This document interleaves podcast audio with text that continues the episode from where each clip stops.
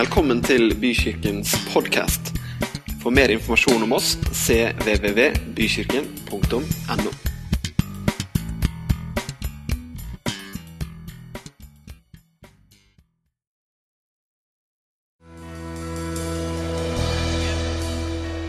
Jesus, du er hellig. Herre, du er evig. Du er satt over alt, Gud. Herre, vi, vi lovsynger deg, vi lovpriser deg, vi gir det vi har i hjertet vårt, til deg. Fordi du fortjener alt. Du fortjener alt, Gud. Tusen takk for at du er her nå. Tusen takk for at du betjener oss, du helbreder oss, du leger sår. Du møter ensomhet. Du fyller tomhet, Herre. Bare på den måten du kan, Gud. For du er Gud. Du er satt over oss. Takk for det, Herre. Takk for at vi har noe som vi kan strekke oss til. At vi har noe som har perspektiv, som har kontroll, og som holder oss. Det er så godt. Det er så godt, det. Mm. Og Herre, jeg ber også bare for resten av møtet her Jeg ber om å ikke stå i veien for det du har lyst til å gjøre i dag. Jeg ber om å være noe som kan, kan bringe deg nærmere. Det du har på ditt hjerte for oss, nærmere oss i dag, Jesus. Amen. Amen. Tusen takk. Fantastisk godt å høre dere som alltid. Herlighet, altså. Og Fredrik på trommer i dag. Hæ? Ja, veldig, veldig, veldig bra. Oi, oi, oi. Det er ikke gærent. Det er ikke gærent, dette her. Dette livet. Det er ikke sånn at en gudstjeneste ødelegger farsdagen. Jeg håper ikke dere føler det, liksom. At å, jeg vet ikke om jeg gidder å komme i dag fordi det er farsdag. Og det er egentlig veldig gøy å ha farsdag hjemme alene. Det er egentlig veldig mye morsommere å være sammen på en farsdag. Ja, det synes jeg er hyggelig. It's good to be back. Jeg hadde egentlig tenkt å snakke litt engelsk i dag, for jeg føler at jeg bor i USA for tiden. Jeg vet ikke hvordan det er med dere, men det er jo bare USA-nyheter. Det virker som vi har flytta dit hele gjengen, eller USA bare har tatt over alt. Heldigvis skal dere få slippe å høre så mye om Trump og, og Clinton og sånn. Jeg si, hadde egentlig ikke tenkt å si navnet engang, men nå er, det, nå er det kjørt, da. Ja, dere, vi har jo de siste månedene snakka en del om denne visjonen vår. Vi hadde Anne Gustavsen på besøk, som snakka om, om, hvordan vi, vi kan følge Jesus og, og, og, gjøre dette kjent for mennesker rundt oss. Vi har hørt Magnar snakke flere omganger om det å dele et åpent liv. og være til stede og, og, og være raus med livet sitt. Vi har hørt han også snakke om hvordan Gud leder. Og det er egentlig litt av det samme jeg skal snakke om også, for jeg har lyst til å snakke om dette med å helhjertet følge Jesus, som er den siste delen av visjonssetningen vi, vi forma nå i, i vår og, og, gjennom året, egentlig. Jeg drar dere gjennom visjonen vår en gang. Jeg. Vi ser en kirke hvor alle er velkommen uansett. Der det vanlige er at nye mennesker kommer til tro på Jesus Kristus. En kirke full av barn, unge og voksne som hjelper hverandre til å leve åpne liv og helhjertet følger Jesus. Det er et eller annet med det ordet 'helhjerta' som jeg, som jeg kobler meg veldig på. Det, en av grunnene er kanskje at det ikke handler om en egenskap. Det handler ikke om et talent, det handler ikke om liksom, noe man skal prestere sjøl, men det handler om hengivelse. Det handler om noe alle kan få til. Da. Alle kan få til å være helhjerta.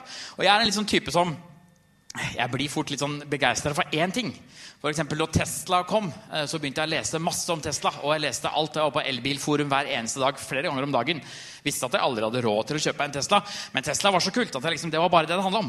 Og så eh, begynte jeg med frisbeegolf, og syntes det var veldig gøy. Og så nå vet hele, hele, salen her vet jo egentlig at jeg er veldig glad i frisbeegolf. Jeg er ikke spesielt god i frisbeegolf, men jeg er glad i frisbeegolf. Og det er en stor forskjell på det. Og nå, den siste nye hos meg nå, det er squash. Den glemte 80-tallssporten. Den har jeg blitt hekta på nå. Og jeg stinker i squash, og jeg er redd for å dø hver gang jeg går inn på den squashbanen. Men, og nå har jeg bare vært én gang, riktignok, og vi var ikke så gode. Men, men, det er liksom Det er i gang, da. Og, og det, som, det, som, er kult med den squash-sporten, det er at du, du blir ikke så fryktelig sliten første gangen, for du er veldig dårlig. Sånn at, for jeg trodde jeg skulle fysisk dø. Vi, vi, vi ba dem å ha hjertestarteren utenfor døra, liksom, da jeg og en kompis var der. Men vi var ikke så gode. Jeg har spilt squash før, bare så det er sagt. Men, men det, det var, var, ikke i nærheten av glansdagene mine.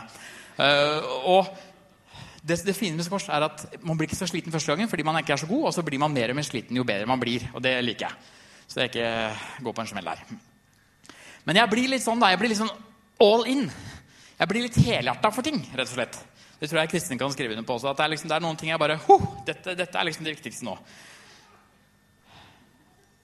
Og vi må jo få opp, da. Beklager, Kevin. Jeg skal ikke snakke mye om fotball. Eh, Kevin pleier alltid å komme med noen kommentarer, men vi må bare få opp et bilde her. For dette her er helhjerta folk som elsker en fotballklubb. Og akkurat nå har vi det utrolig fint, for nå leder vi tabellen for første gang på tre år.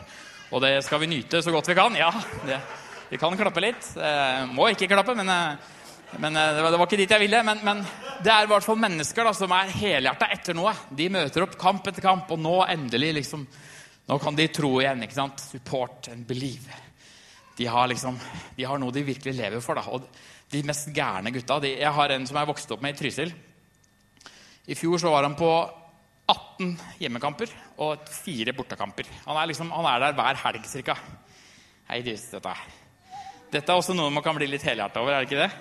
Sånne barn. Ja, hei. Har du tenkt å være hos meg? Skal du være her litt? Skal vi prøve lite grann? Se hvordan det går? Ja. ja. Bare litt sterkt lyst. Skal du gå til mamma? Jeg tror, jeg. jeg tror du må til mamma.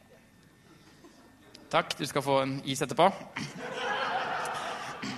Det er jo farsdag, tross alt. Vi måtte prøve å vise litt uh, at vi har hjertet på plass.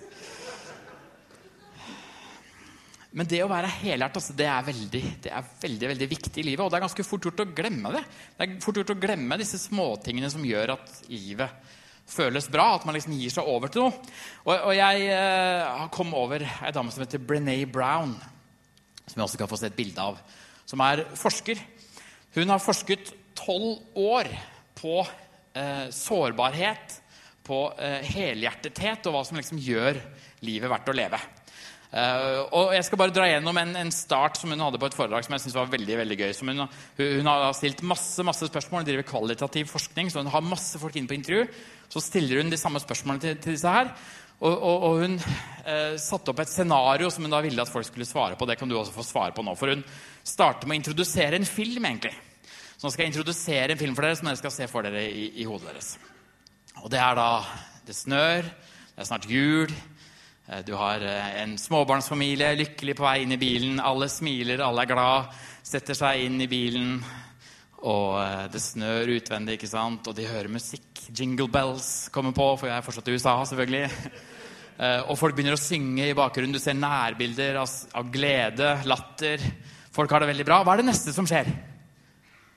Bare, hva, det, hva, tror dere er det neste som skjer i den filmen? Krasjer. De krasjer. ja. 60% svarer at det neste som skjer, er at de krasjer. Så har du 10-15% som er enda litt mer kreative. Det går veldig gærent der også.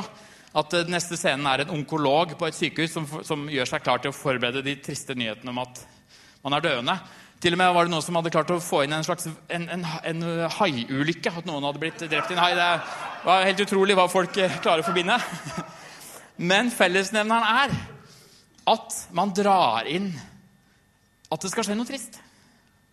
Og det har vi jo på en måte blitt oppdratt til når vi ser film. ikke sant? At man, blir, man får et slags setup, og så, liksom, så, går alt på trynet. Men det handler ikke bare om at vi har sett masse filmer. Det handler også om at vi i livet vårt er forberedt på at ting skal gå gærent hvis ting går veldig bra. Uh, hun fortsatte med disse spørsmålene rundt ok, hva skjer, hva, hva tenker du noen ganger når du har et barn ikke sant, på 10-11 måneder som sover i armene dine. Du sånn, du, er sånn, du er, så nært det nærmeste du kommer lykke. Den fullstendige følelsen av lykke. Og så kommer det inn en tanke. Hva, hva, hva, hvis det går gærent? Hva hvis det er krybbedød? Hva hvis det blir en alvorlig ulykke? Hva hvis det blir sykdom? Eller om du kanskje har blitt forfremma på jobben og du skal på et jobbintervju et eller annet sted, og du skal fly bort dit og du tenker yes, jeg har fått en ny jobb eller jeg har fått en oppgradering, men det kan jo gå gærent på den flyturen. Vi mennesker vi er sårbare som av natur. Når det går bra med oss, når vi gir oss over til noe, når vi er helhjerta inne i familien vår, når vi elsker, så blir vi sårbare. Så merker vi sårbarheten på kroppen. Vi blir redde for at dette her kan jo umulig vare. Og det er en, en av de tingene som kanskje gjør at vi ikke tør å leve helt helhjerta. Fordi vi er redde for at det skal gå gærent. Og, og sårbarhet det leder to steder. Det kan lede til at du Eh, ikke får det bra. Altså Det kan lede til at du blir avhengig av et eller annet. At du, at du, ikke tør å ta til deg sårbarheten. Det kan gjøre at du ikke føler at livet er bra i det hele tatt. Men det kan også lede til mot. Det, det, det å stå her for eksempel, foran dere i dag det er, Jeg føler meg sårbar. Jeg er liksom satt jeg er jo satt i et lys. ikke sant? Alle dere må høre på meg akkurat nå. Jeg må levere et eller annet. Det er sårbart. Men det betyr ikke at jeg er svak. For det er også ofte en kobling man tar. at Hvis du er sårbar, så er du svak. Men egentlig så er det å stå her foran dere det er faktisk, For meg så er det litt sånn mot i det. At jeg tør å stå her. Så, men, men det handler hele tiden om hvordan man kobler sårbarhet. Og det er utrolig, utrolig spennende. Og så snakker hun om hvordan andre ting som er kobla til sårbarhet, er viktig. Det ene er mot, det andre er tro. Tro er også kobla mot sårbarhet. Fordi vi, vi vet ikke 100 sikkert. Vi har ikke møtt Jesus ansikt til ansikt. Vi har fått kjenne på hans kjærlighet. Vi har opplevd eh, å være nær Gud, de fleste av oss som er i dette rommet. Men likevel så er det en usikkerhet der. Det er en sårbarhet der. Hva hvis dette vi tror på, ikke stemmer? Hva hvis det vi mener vi har opplevd, ikke er riktig? Tro har et element av sårbarhet i seg. Og det er det så viktig å, å ta inn over seg og være bevisst på. At vi er sårbare. For, for hvis du tar inn over deg den sårbarheten, så tør du å være helhjerta. Da tør du å, å, å, gå litt videre. Dette syns jeg var veldig fint da når jeg hørte henne. Og, og, og, en av de tingene som hun sier, da, som man må gjøre Jeg aner ikke hva slags tro denne dama har, men hun sier at for å leve helhjerta så er det to ting som man, som man må ha på plass. Det ene er å være takknemlig. Være takknemlig over livet man har. Takknemlig over det man har akkurat her og nå. Og uttrykke den takknemligheten. For hvis du uttrykker den takknemligheten, så, så blir sårbarheten en god ting. For da har du en grunn til å være takknemlig. Vet ikke hva som kommer til å skje, vet ikke hvordan livet blir, men nå har jeg det veldig bra.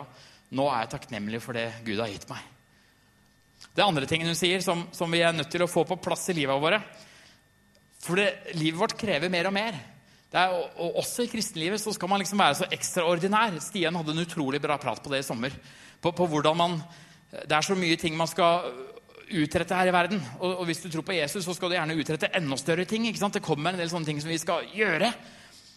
Men hvis vi klarer å ta inn over oss at vi faktisk kan være ordinære, tro på en ekstraordinær Gud, men være ordinære og være takknemlige for det, så faller mye på plass. Da slipper du det maset etter å prestere hele tiden. Vi eh, er jo en småbarnsfamilie, og i høstferien nå så tenkte vi at vi må komme oss litt vekk. Få litt sol. Eh, slappe av. Nyte livet. Det var tanken. Eh, og, og, min søster, nei, min søster, kona mi, Kristin, hun har en bror som er pilot. Og han bor nede i Qatar. Der er det liksom, Når det er oktober, så er det 35 grader der. Bare sol, liksom. Veldig fint veldig fint sted i hvert fall å være sånn akkurat rundt et svømmebasseng. da, hvis man liker svømmebasseng. Eh, så vi tenkte dit drar vi. Det har vi veldig lyst til. Eh, eneste ulempen er at eh, det er sånne sjansebilletter vi må dra på. fordi han piloten han skaffer oss veldig billetter, men, men, du kommer bare med hvis det er ledig plass på flyet. Så vi reiser til Gardermoen og er litt sånn halvveis håpefulle på å komme med. Og, og vi kommer heldigvis med. Eneste ulempen er at én må sitte på business, og den andre voksne må sitte med tre barn på økonomi. Kan du gjette hvem som går på business? Det var kona, det. Så da satt jeg der, da. Seks og en halv time. Jeg er veldig glad i Mia, men seks timer med henne på fanget hele tiden, det er litt slitsomt. Jeg hadde en halvtime pause, og det var greit. Men vi kom oss ned dit, og liksom, ok, kanskje nå får vi slappe av litt. Og det fikk vi, for vi hadde svømmebasseng helt for oss sjøl. Og jeg er jo fra Trysil, så jeg er ikke så vant til å stupe og sånn. Og da tenkte jeg, nå har jeg, jeg fikk et lite innfall at nå skal jeg lære meg det. Så jeg skulle få kona mi til å filme at jeg stupte. Det tenkte jeg var morsomt. Det var ikke så gøy å se på etterpå. Det så jo liksom ut som et takras. Eh, så, egentlig ut som et isflak som bare liksom duppa nedi. Det var ikke pent. Skal aldri stupe igjen. Skal aldri få noen til å filme meg i vannet igjen. Men vi var en del i vannet, og, eh, og en effekt som da kom til meg etter hvert, var at jeg fikk veldig dotter i øra. Og noen ganger, så, eller som regel, så går det bare bort ved å blåse litt. Så er så er det tilbake på square one. eller hva det heter for noe. Heter ikke square one. Nei, eh, jeg er ikke i USA. Men i hvert fall så, så fikk jeg dotter i øra, og jeg ble ikke kvitt disse dottene. Og til å begynne med var det utrolig ubehagelig, for jeg hørte ikke hva som skjedde rundt meg. Men så etter hvert så ble det veldig behagelig, for jeg hørte ikke det som skjedde rundt meg. Ungene ble litt sånn der muta ut, ikke sant?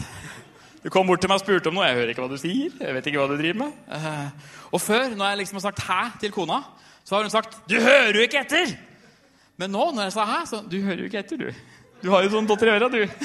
Ja, det skjønner jeg. Jeg skal ikke plagge deg noe mer. Så jeg hadde tidenes ferie. Jeg Jeg ble jo ikke plaga med noe som helst. Jeg kom liksom helt for meg sjøl. Bare levde liksom i sus og dus alene og bare koste meg. Og så kom høydepunktet mot slutten av, av ferien, for da var det barnebursdag hjemme hos uh, svigerbror. 15 barn på en ganske liten, uh, lite hus. Og jeg så foreldrene bare bli gråere gråere i ansiktet etter som timen gikk. Mens jeg bare koste meg. Bare nøyt den energien som jeg kunne se og ikke høre. Det var helt nydelig. Offisielt har jeg fortsatt datter i øra, i hvert fall hvis du snakker med svigermor. Bare så du vet det.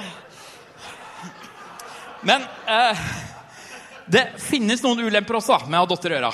Det finnes noen ulemper med å sette livet på mute. Fordi du får ikke ta del i det. Jeg merka at jeg orka ikke helt å snakke med folk. For det ble sånn, eh, å høre hva folk sa. Så da er det jo begrensa hvor gøy det er. Eh, så, så, så, jeg tok ikke innover meg livet på samme måte. Jeg ble litt satt utenfor. Og det er så utrolig fort gjort å bli numma i livet sitt.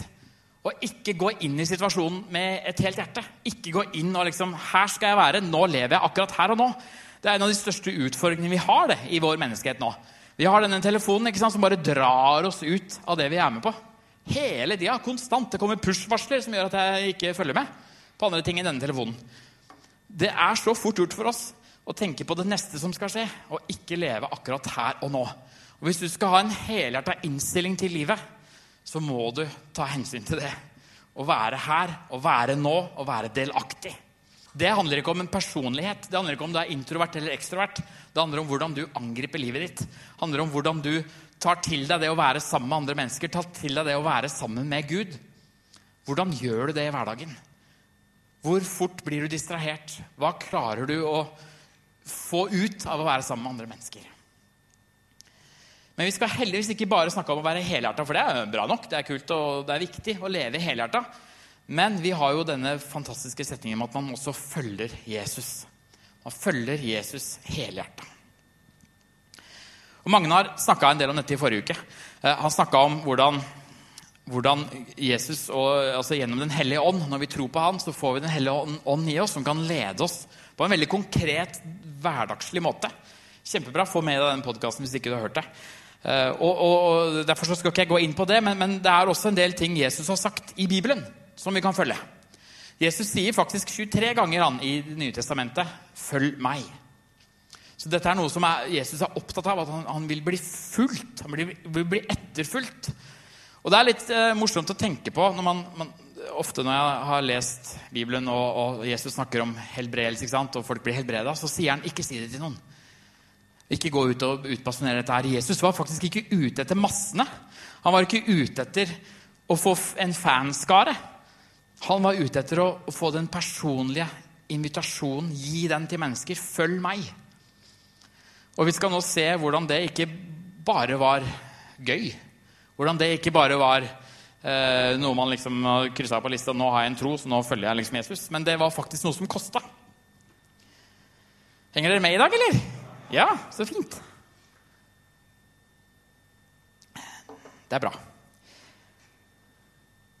I eh, Matteus 1921, for eksempel eh, Det kommer ikke opp her, så jeg skal bare lese. Men vil du være helhjertet, gå da bort og selg det du eier, og gi det til de fattige. Da skal du få en skatt i himmelen. Kom så og følg meg. Det å følge Jesus det betyr at man må etterlate seg noe.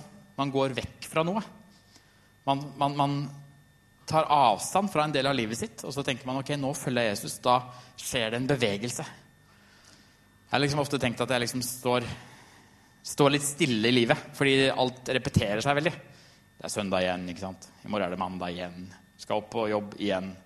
Det er veldig fort gjort å gå inn i den tralten, da, fordi livet er lagd sånn. Rutinene våre gjør at det føles som om vi gjør det samme. Men Jesus ønsker en bevegelse. Jesus ønsker at det skal gå framover med livet vårt. Eh, og, han vil absolutt at vi skal ha et bra liv. Eh, det snakka også Magnar veldig bra om forrige uke. Han, han, ønsker at vi skal ha et bra liv. Men det betyr ikke at det blir et problemfritt liv. Det betyr at når vi får det riktige perspektivet på hvordan vi skal leve, så hjelper det oss til å ha et bra liv. Og Jesus han utfordra stadig mennesker på dette personlige nivået med å følge han og etterlate seg noe. Og Vi skal se litt mer på et annet bibelvers som står i Matteus 8. og 21-27. Og dette kommer opp på skjermen. Skal vi se Da Jesus så mye folk omkring seg, ga han befaling om å sette over til den andre siden av sjøen. Eh, Skal vi se, Ble dette helt riktig? Står dette i Matteus 8, 21-27? Jeg lurer på om det ble noe surr sur her. Nei, det skal det, Ja, det er faktisk feil. Fordi jeg skal lese nå et, et annet Matteus 8, 21-27. Det er jeg som har klippa limt litt feil. skjønner der i dag. Å følge Jesus eh, handler dette om. Og det er da Situasjonen er den at Jesus har akkurat fått et eh, spørsmål fra en skriftlærd. Skriftlærd som sier at 'jeg vil følge deg, Jesus'. Og så svarer Jesus at ja, 'hvis du skal følge meg' 'Jeg har ikke noe hvilehjem. Jeg hviler ikke'. Eh, nå ble det riktig. Så flott. Eh, og, og, og poenget til Jesus med denne skriftlærde var å bare fortelle at, at eh, vi, er virkelig på en reise. Det blir tøft å være sammen med meg. Og så kommer en av disiplene og sier eh, til han, 'Herre, la meg først få gå hjem og begrave min far.' Men Jesus svarte, 'Følg du meg, og la de døde begrave sine døde.' Så steg han i båten, og disiplene fulgte ham. Da ble det et voldsomt uvær på sjøen, så båten nesten ble borte mellom bølgene. Men Jesus sov. De gikk bort og vekket ham og sa, 'Herre, frels, vi går under.' Han svarte, 'Hvorfor er dere redde, dere lite troende?' Så reiste han seg og truet vindene og sjøen, og det ble blikk stille. Mennene undret seg og spurte, 'Hva er dette for en?' Både vind og sjø adlyder ham. Og Før vi kommer til hovedpoenget mitt, her, så er det jo en ganske sånn heftig sak vi begir oss ut på her. Eh, En disippel har mistet faren sin og har lyst til å begrave han. Og når, når han sier 'begravet', så handler ikke det bare om å, å få han ned i jorda. Eh, På den tida, så Når man fulgte loven der, så, så skulle man sørge i et år. Være hjemme et år. Så det var liksom ikke snakk om at Jesus bare liksom ville utsette han liksom, det, var, det var ikke snakk om å vente noen dager. Det var snakk om at det er nå Jesus skal bli fulgt. En annen ting som, som eh, de, de, de som kan dette her, sier, er at eh, Gud og Jesus da gjennom dette her setter loven opp mot det å følge Jesus. Altså Det handler ikke nødvendigvis om den loven man har blitt opplært til. Det handler om å følge Jesus i det han sier. Når det er sagt, så kan vi få det neste punktet. Fordi det å følge Jesus, det gjør nemlig Neste slide. Det, det gir bøttevis av action, det. Uh, ble det litt sånn rart her, ser jeg. Men det får vi leve med. Uh, det, det, å følge Jesus, det, da skjer det noe. Man har gått fra å leve et liv eh, for seg sjøl og på en måte få livet til å suse og gå, sånn som vi alle sliter med, på en mer eller mindre måte. Penger ut og penger inn, og barnehagebarn inn i barnehage og ut og alt det der. Men når man velger å følge Jesus, så skjer det noe ganske, ganske umiddelbart. da. Han har liksom gått fra å gravlegge faren sin. Vi vet ikke helt om han rakk å putte den i grava, eller hva det ble, men den disippelen ble i hvert fall med. så vidt vi forstår. Og det første som skjer, er at det kommer ut for en enorm storm. ikke sant? Uh, og jeg hadde, hvis jeg hadde vært han, så hadde jeg tenkt hvorfor ble, ble med på dette? Jeg kunne bare vært hjemme. Vært mye bedre. Men han blir da vitne til et gigantisk mirakel fordi han følger Jesus. Han er med Jesus. Når vi har bestemt oss for å bevege oss, så dras vi inn i noe vi ikke har kontroll på sjøl, når vi følger han.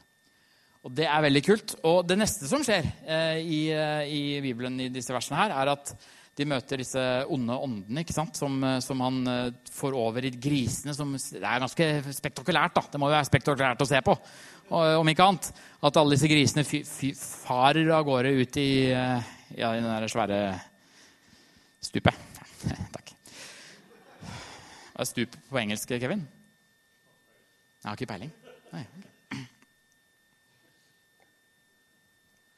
Men å følge Jesus, det det gjør at det skjer noe nytt. Noe som Jesus har kontroll på, som vi ikke har kontroll på. Det er veldig kult.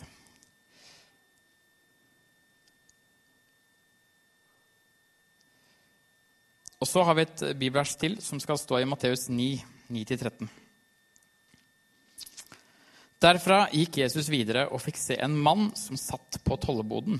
Han het Matteus. Jesus sa til ham, 'Følg meg.' Og han reiste seg og fulgte ham. Senere var Jesus gjest i huset. Det kom også mange tollere og syndere og var sammen med Jesus og disiplene hans til bords. Dette så fariseerne, Og de sa til disiplene, 'Hvorfor spiser mesteren deres sammen med tollere og syndere?' Men Jesus hørte det og sa, 'Det er ikke de friske som trenger lege, men de syke.' 'Gå og lær hva dette betyr. Det er barmhjertighet jeg vil ha, ikke offer.' 'Jeg er ikke kommet for å kalle rettferdige, men syndere.' Hvis du følger Jesus, så kommer det til å plassere deg utafor komfortsonen. Vi kan få opp neste slide. Det kommer til å gjøre at mennesker som lever religiøst, vil stusse på hvordan du lever, på hvordan du prioriterer. Eh, det gjør rett og slett religiøse veldig ukomfortable hvis du følger Jesus. For vi er vant til å leve i et spesielt mønster. Vi er vant til eh, å på en måte omgås de hellige. ikke sant? Men Jesus var helt motsatt. Jesus drar oss ut til de som ikke har en tro. Til de som ikke har livet på stell, til de som virkelig trenger hjelp. Det er dit han drar oss. Det er dit Jesus ønsker å følge oss. Ikke inn i trygge settinger, men inn i steder som, som blir ukomfortabelt for deg. Uh, nå var riktignok Matteus han var selv en toller, så han kjente disse folka fra før. ikke sant? Han, han om, omgikk jo disse folka her før. Men det, hvis vi skal være helt ærlige, vi som, mange av oss som er kristne, vi er ikke alltid så flinke på dette her.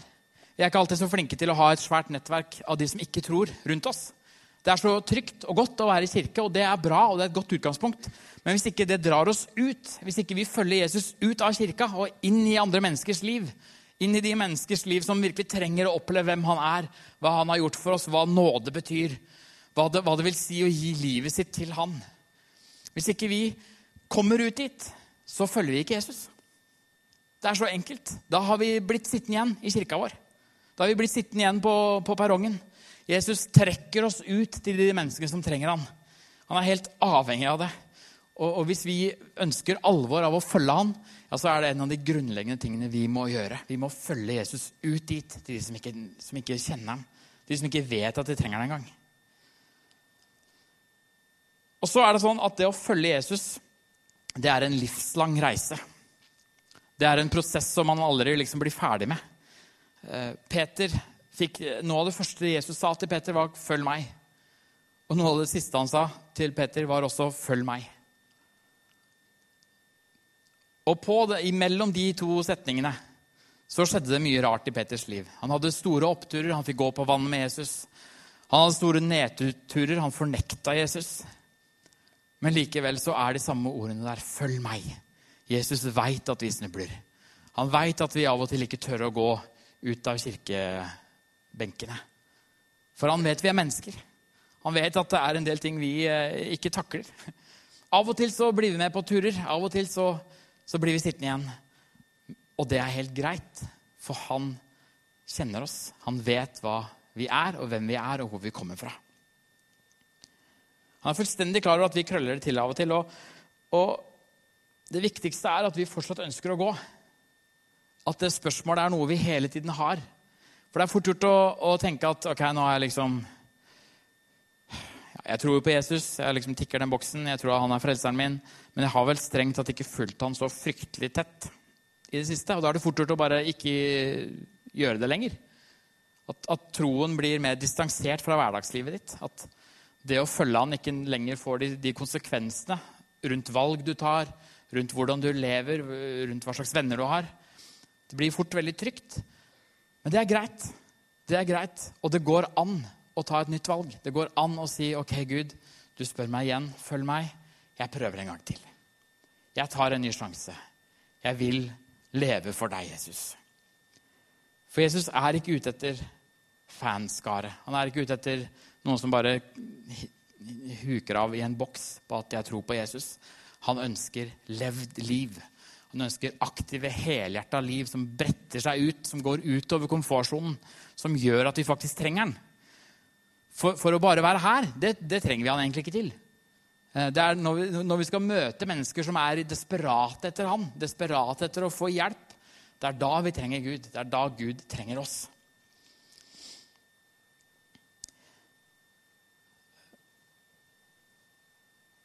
Så er det et sted som vi ikke kan følge Jesus. Dette skjedde også med Peter i, i Johannes 13, 36-38. Simon Peter sier til ham Dette er rett før Jesus uh, skal dø. Uh, så sier Simon Peter til Jesus, 'Herre, 'Hvor går du hen?' Jesus svarte, 'Dit jeg går, kan du ikke følge meg nå. Senere skal du følge meg.' 'Hvorfor kan jeg ikke følge deg nå?' sier Petter. 'Jeg vil gi livet mitt for deg.' Jesus svarte, 'Du vil gi livet for meg.' 'Sannelig, sannelig, jeg sier deg, han skal ikke gale før du har fornektet meg tre ganger.' Det finnes som sagt steder der vi ikke kan følge Jesus, og det skal vi være fryktelig glade for. For vi balanserer litt på en sånn knivsegg når vi snakker om å følge, fordi det er noe vi faktisk må gjøre. Mens det Jesus gjorde for oss, det får vi ikke gjort noen ting med. Det er det kun Jesus som gjorde. Så når Jesus er på vei til korset for å dø for oss, og Peter til og med sier at 'jeg vil dø for deg', Jesus, som egentlig er ganske ironisk, fordi Jesus har tenkt å gjøre akkurat det samme for han og for alle andre mennesker. Men vi er ikke i stand til å dø for Jesus.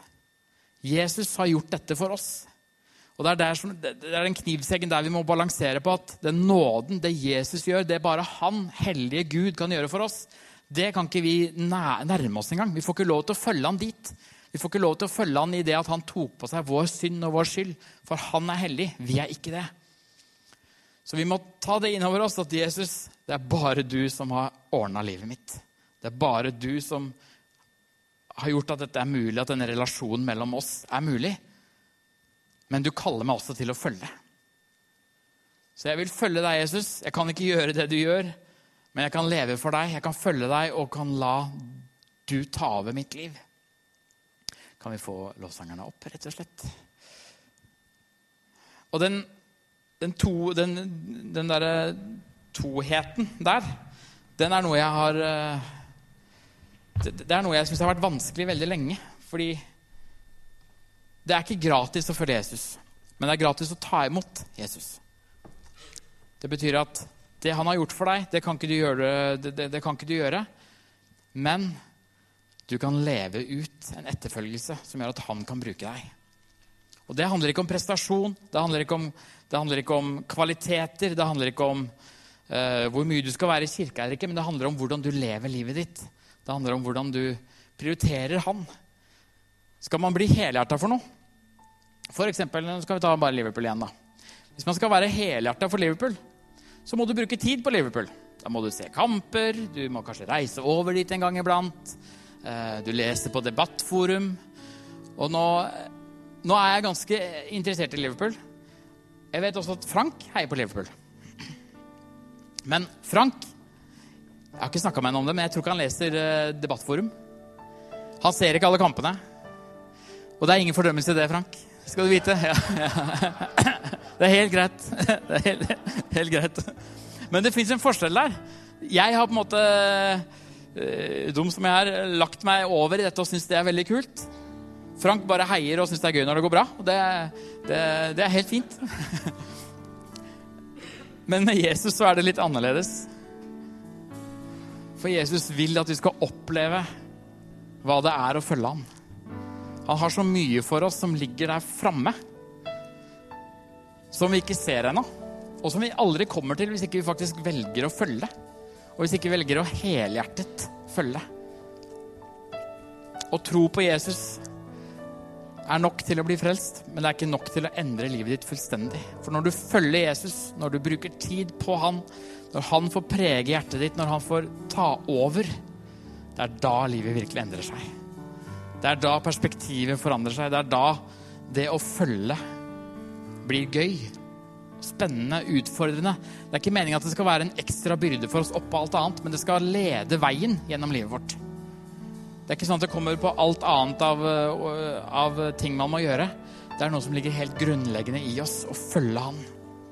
Få oppleve at Han bruker oss. Få oppleve at Hans nåde kan strømme gjennom oss og berøre de menneskene rundt oss som ennå ikke har fått oppleve han. Det er det han kaller oss til. Han kaller deg ikke til flere timer i kirka. Han kaller deg ikke til å stille opp en gang til i rosteren på, uh, i folk. Han kaller deg til å være med å forandre menneskers liv. Til å følge han i det livet vi lever i.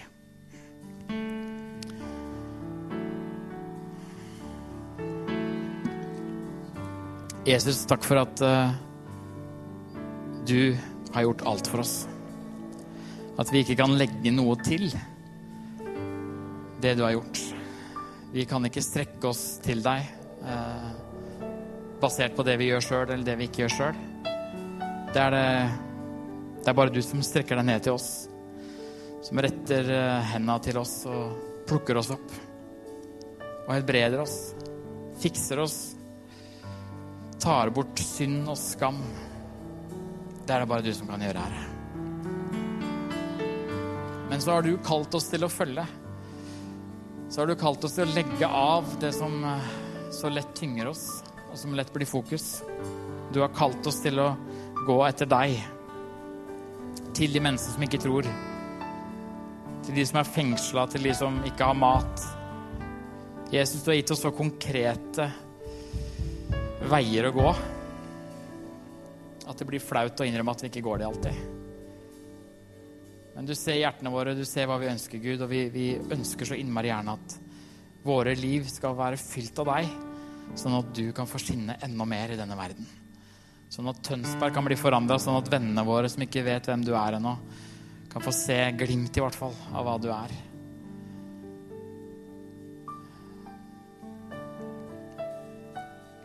Og du vet at dette er en livslang prosess, at dette ikke er noe vi fikser med en gang alltid. At vi kommer til å snuble. Men hjelp oss til å likevel gå, da. Hjelp oss til å reise oss opp igjen. Til å komme i gang igjen og få oppleve hva du har for oss. Sånn at vi kan fortelle nye historier om hva du gjør blant våre folk.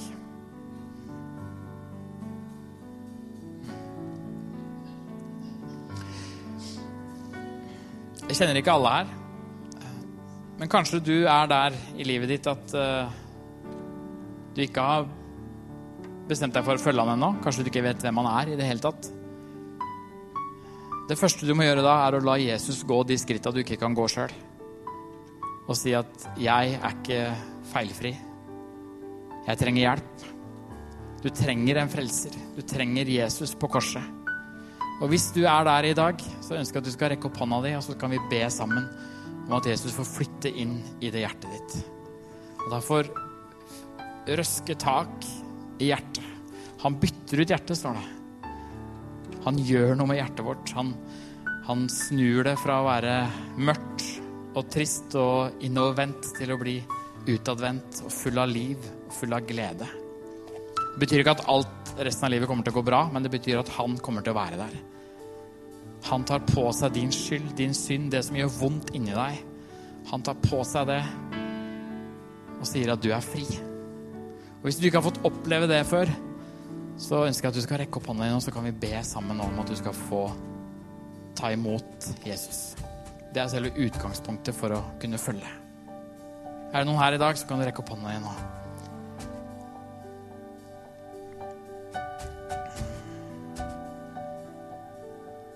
Det neste jeg har lyst til å utfordre på, det er for oss som kaller oss kristne, som åpent sier at vi er det, som sikkert kan snakke om det på jobben, som sikkert kan stille opp i lovsang og være med og lede møter eller være med og preke, for den saks skyld. Jeg snakker om alle. Jeg snakker like mye til meg sjøl her. Som kan gjøre ting i kirka, som kan gjøre aktiviteter som er kristne. Men kanskje det å følge Jesus har egentlig dette litt av lasset. Hvis du er her i dag og har lyst til å virkelig følge Jesus igjen, så ønsker jeg altså at du skal rekke opp hånda di. Hvis du tenker at jeg må ta et nytt valg på å følge deg, Jesus. Det kommer til å koste mer enn det har gjort før. Men det kommer også til å bety mer for de rundt deg enn det har gjort før. Hvis du virkelig tar opp korset ditt og går med Jesus og følger ham, og lar han lede, så rekk opp hånda di nå.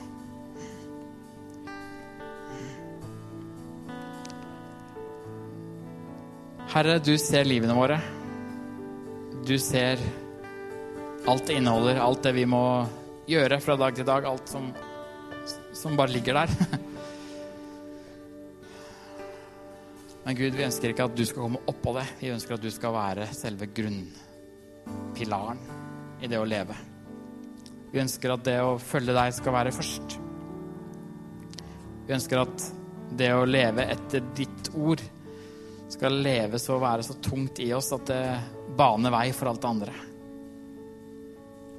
Hjelp oss til å leve helhjerta, til å se mennesker rundt oss, involvere oss i de. Tørre å være sårbare. Tørre å, å by på mer enn det vi pleier å gjøre. Fordi du kommer inn gjennom det. Når vi viser kjærlighet, når vi viser interesse, når vi, når vi åpner opp de dørene som du kan få gå inn i. Takk for denne kirka, takk for alle som er her i dag. Jeg ber om en fornya tro på deg, og, og at du virkelig kan gjøre noe gjennom våre liv. Amen.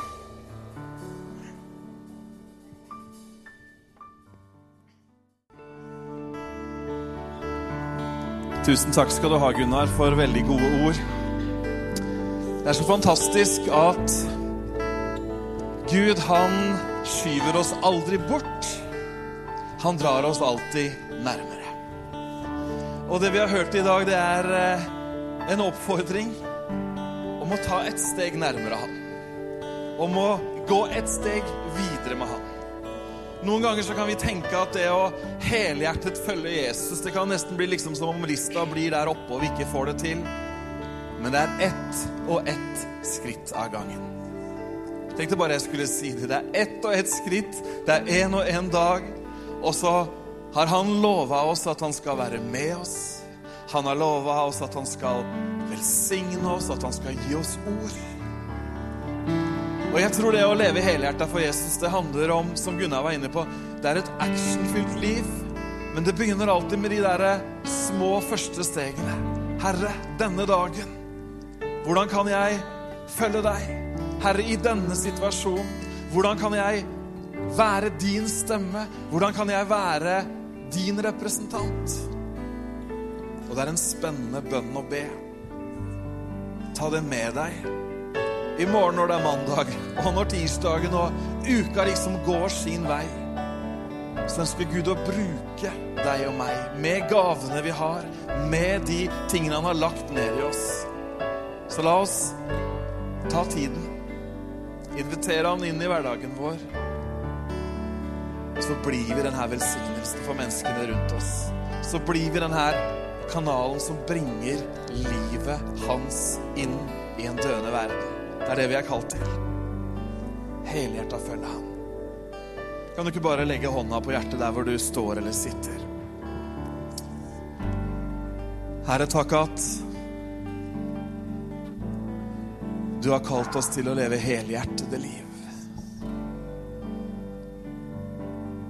Til å gi hjertene våre til deg, til å bevare hjertene våre. Og jeg takker deg, far, for at du har gitt oss alle ting, Herre. Du har gitt oss ditt liv inn i, inn i vår tilværelse, Herre. Jeg takker deg, far, for at du leder oss i dagene som er framover. Takk at du snakker inn i livene våre